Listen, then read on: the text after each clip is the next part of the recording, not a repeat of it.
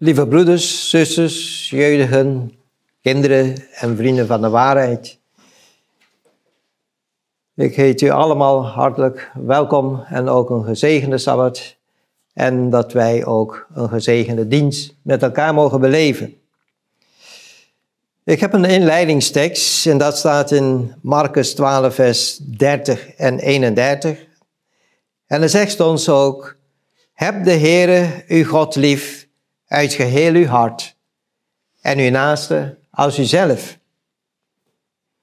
Het onderwerp van vandaag is bedoeld om ons voor te bereiden op Gods koninkrijk. Vandaar ook de titel Wat offer ik voor de hemel?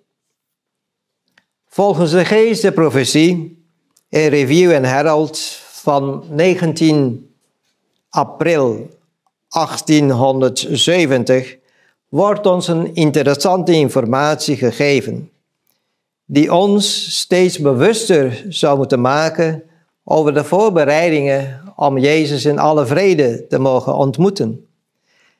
En vanaf nu kunnen wij juist reeds in onze gedachten datgene beleven waartoe de Heere ons roept.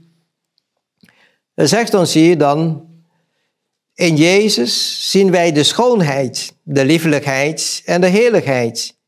Wij zien in Hem weergaloze charmes. Hij was de majesteit van de hemel. Hij vulde de hele hemel met pracht. Engelen bogen in aanbidding voor Hem en zij gehoorzaamden gewillig zijn bevelen. Dit alles gaf onze heiland op. Hij legde zijn glorie, zijn majesteit en pracht opzij en kwam naar deze aarde en stierf voor een ras van rebellen die overtreders waren van de geboden van zijn vader. Ook vanmorgen willen wij ons deze vraag stellen. Ben ik bereid om ook zo'n offer voor Hem te brengen? Mijn lieve mensen, dit is alleen mogelijk wanneer wij ons ook voorbereiden om gehoor te geven aan deze volgende Bijbelteksten. In 2 Korinthe, hoofdstuk 6, daarvan vers 17 en 18, lees ik dan, daarom gaat uit het midden van hen en scheidt u af en raakt niet aan hetgeen onrein is. En wat zegt de Heer hier? En ik zal u aannemen. Dit is de oproep van de Schepper, van de gehele hemel en aarde. En Hij die ons het leven schenkt, die ons ook het adem des levens geeft. Hij zegt hier in vers 18 het volgende. En ik zag, en ik zal u tot een vader zijn, en gij zult mij tot zonen en dochter zijn, zegt de Heere, de Almachtige. Wat een pracht van beloften zijn dit. Dat de Heere wil ons zo graag verlossen. Het machtige woord van God is namelijk uw redding vandaag. En om deze beloften uw eigen te maken, wat hebben we daarvoor nodig? Het is gratis verleend. Je kan het zo voor niks krijgen, maar wel is de belofte altijd aan voorwaarden gebonden. En wat de Heer heeft beloofd, als wij ons harten hiervoor openstellen, dan zullen wij ervaren dat wij ook dat belofte zal deelachtig worden. Vandaar dat geloof is nodig.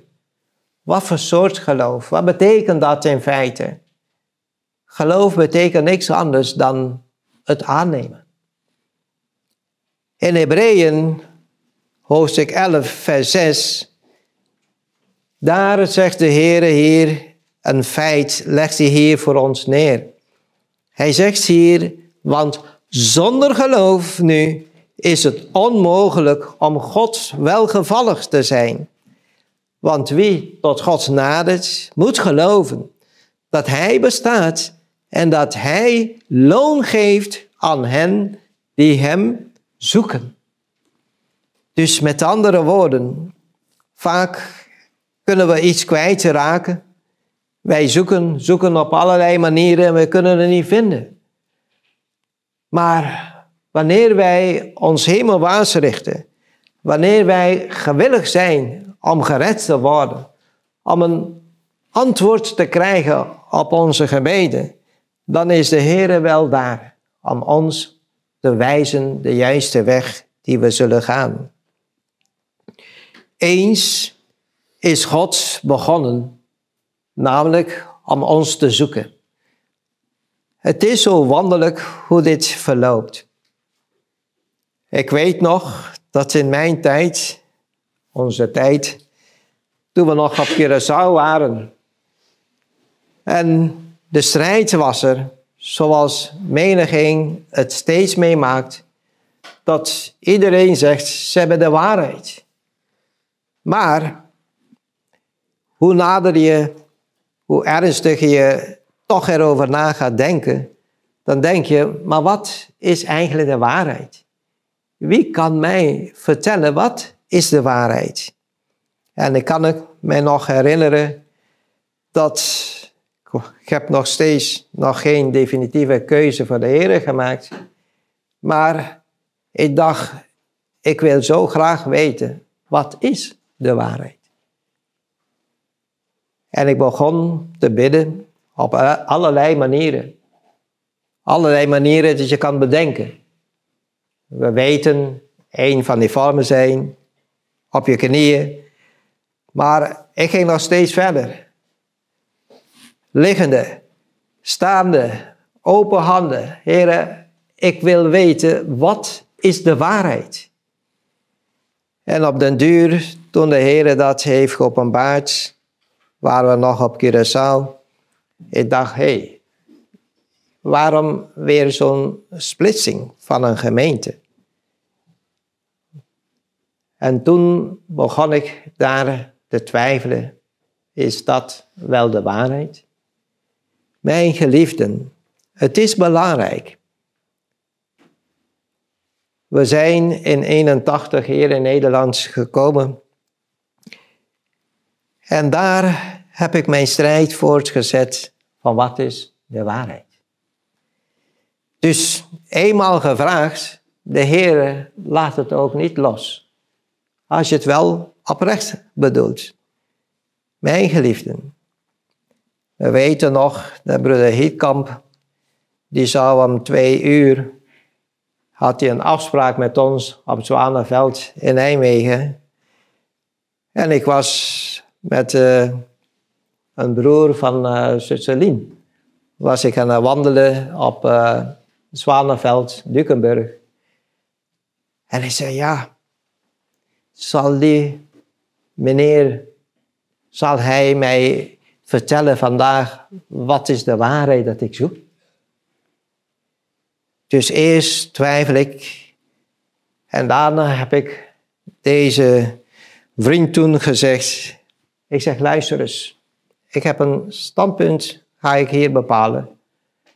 En ik ga. En ik wil zo graag bij ja, dit samenkomst zijn. Want ik heb altijd veel vragen. En deze vragen zijn niet alleen voor mij zelf bedoeld, maar er zijn ook, stel eens voor, als de mensen jou dit of dit zouden vragen. Dus zo heb ik ook dan deze vragen aan deze broeder gesteld. En de geest die daar aanwezig was, mijn geliefden, ik was niet meer weg te slaan. Want dat was de waarheid. Het vervulde, het raakte mijn hart. En vanaf die tijd was ik ijverig daarmee bezig met de Bijbelstudies. Nou, ik hoef alleen maar te weten hoe laat zal hij komen. En ik was daar, klaar om hem te ontvangen. Dat is reeds een blijdschap. En het duurde niet al te lang, want het was vier weken gingen voorbij dat ik definitief heb gezegd, Ik wil voor niemand meer werken. Ik wil voor God werken. Maar dat is wel een heel groot woord wat je daar zegt. Want je hebt wel je verantwoording die je moet dragen. En ik weet nog dat ik broeder Hiekamp had opgebeld. En ik heb hem gevraagd, broeder, wat moet ik doen? Want ik wil graag dat werk doen wat u doet. Hij natuurlijk werd ondersteboven aan de andere kant van de lijn. En hij zei, broeder Thomas, je weet nog steeds niks. We zijn er pas vier weken bezig. Ik zei, maar broeder, dat was niet mijn vraag. Ik wil weten wat ik moet doen om dat werk te doen wat u doet. Mijn geliefden, als de waarheid tot u komt, moet u zorgen dat u de waarheid vasthoudt.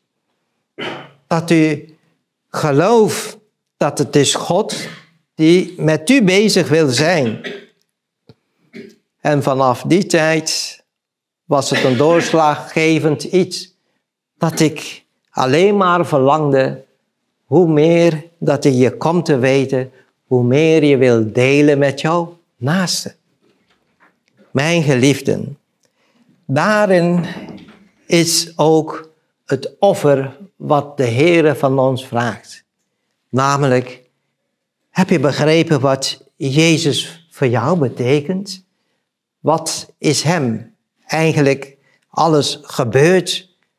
Dat hij verliet zijn rijkdom en kwamen, komende in onze armoede, heeft hij daar ons rijk gemaakt. Ons hoop gegeven. En deze hoop is niet weg te poetsen, niet weg te slaan. Integendeel, wij ervaren steeds dat de profetieën, dat de woorden van God steeds meer in vervulling gaan. Beseffen wij dat wij werkelijk in de eindtijd leven? Door onderzoek van het woord komen wij tot de ontdekking dat wij hebben te maken met een liefdevolle God. Wij mensen kijken vaak, ja, als je voor het eerst iemand ontmoet, ga je kijken, is hij goed aangekleed?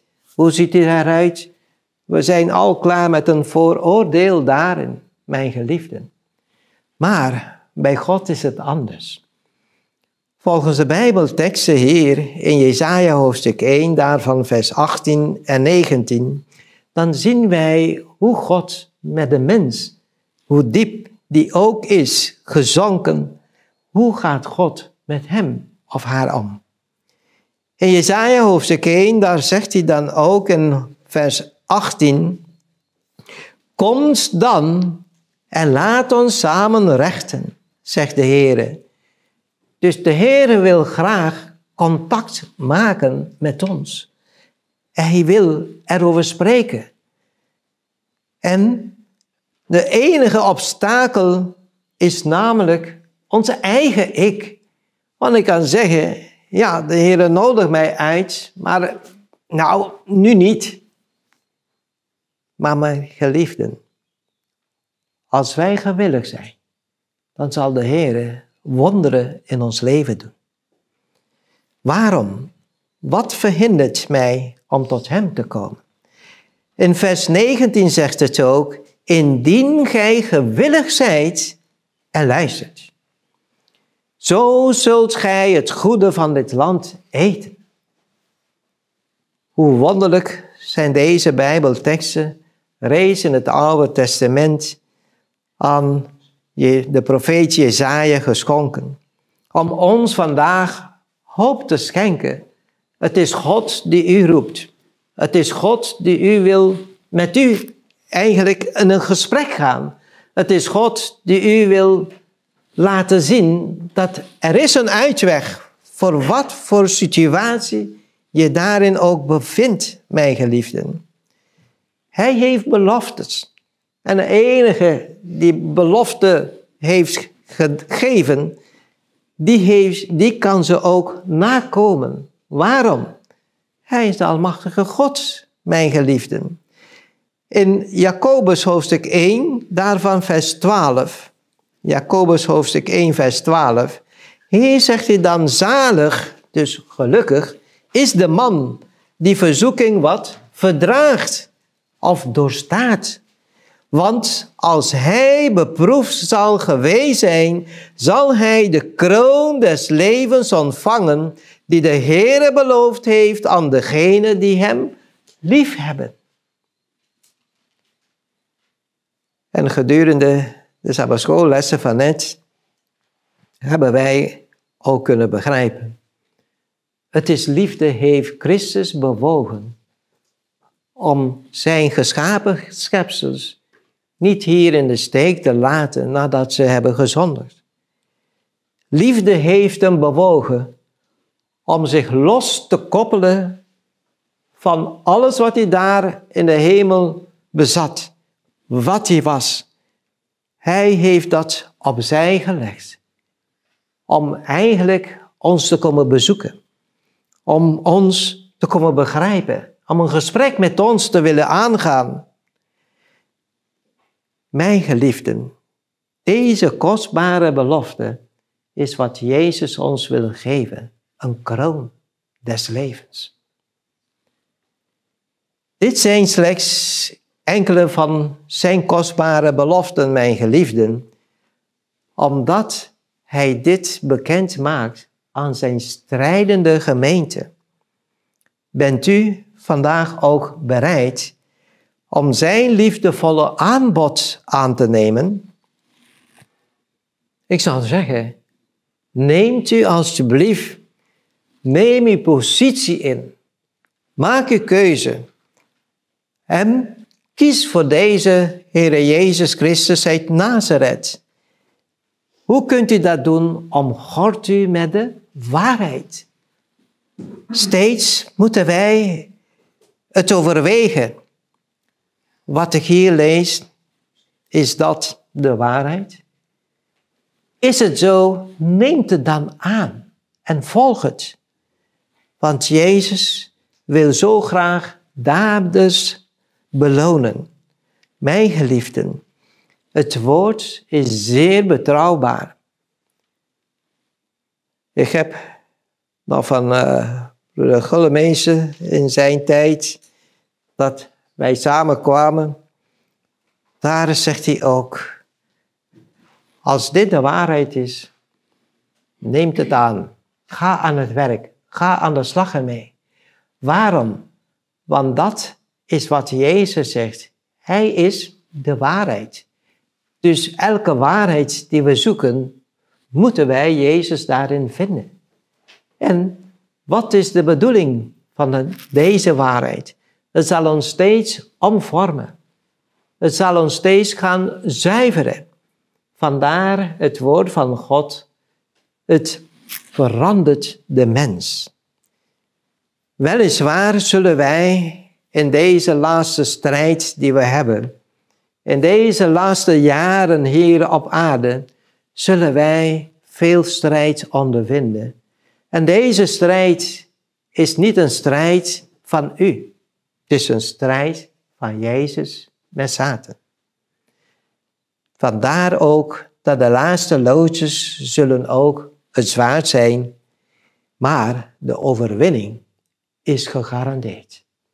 En de overwinning weten wij ook dat de apostel Paulus, die heeft ook, nadat hij zo krom zich heeft misdragen om de gemeente van God, om eigenlijk God te vervolgen, dat hij tot inkeer was gekomen en hij zag in, hoe kan ik zo'n dam fout bezig zijn? Maar juist omdat hij bereid was om de zonde de rug toe te keren, om Christus als zijn verlosser aan te nemen, ontvangt hij ook de kracht. En deze kracht, geleid door de Heilige Geest, heeft hem gegarandeerd naar de overwinning gestuurd. En dit heeft hij dan in zijn woorden dus beschreven hier in 2 Timotheus 4. In 2 Timotheus 4, daarvan vers 7 en 8. Daar kon hij uiteindelijk, na zijn zegeviering, kon hij uitroepen en zeggen, ik heb de goede strijd gestreden. Ik heb de loop geëindigd. Ik heb het geloof behouden. Voorts is mij weggelegd wat? de kroon der rechtvaardigheid, welke mij de Heere, de rechtvaardige rechter, in die grote dag geven zal. En was het alleen voor hem bedoeld? Nee, zegt hij.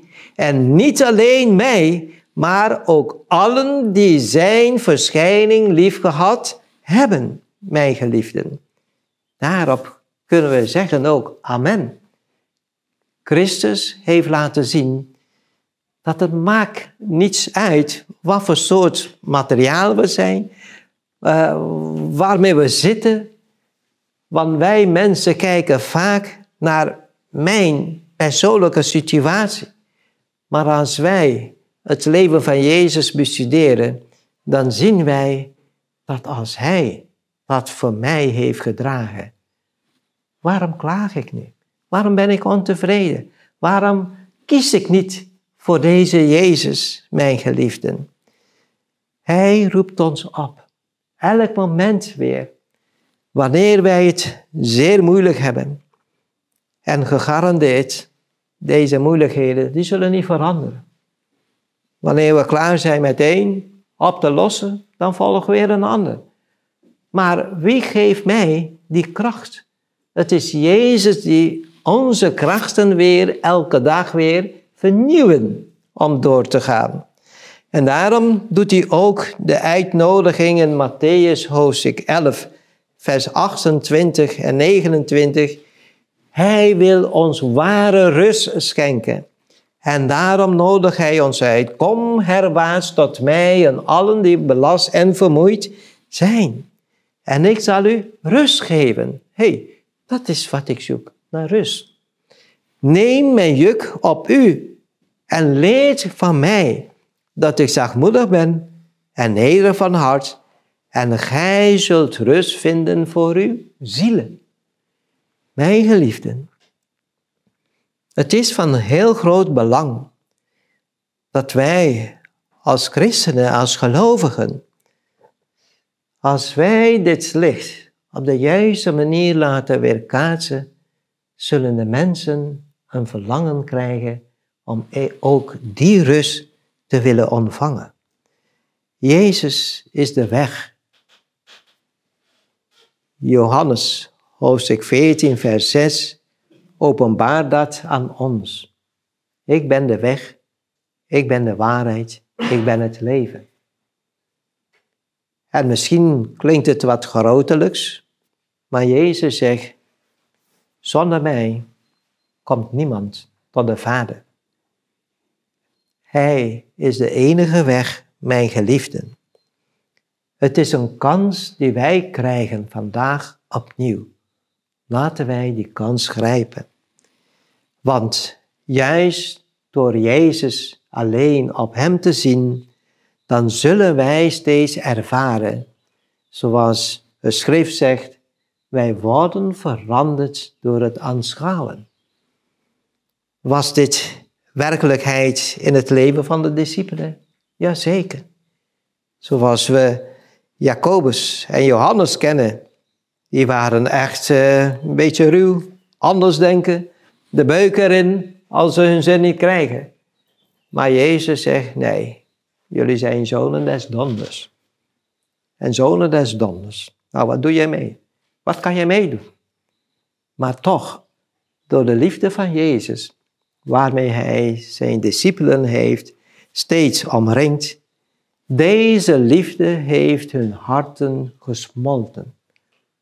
En vandaag kunnen we zeggen, ja, Johannes, de apostel Johannes, wordt ook genoemd de apostel van liefde. Hoe wonderlijk is dat? Zijn keuze was namelijk zijn ik in te leveren, waardoor Jezus hem kon veranderen. Mijn geliefden, hij keek op en verlangde naar dat betere. Hij verlangde naar Jezus.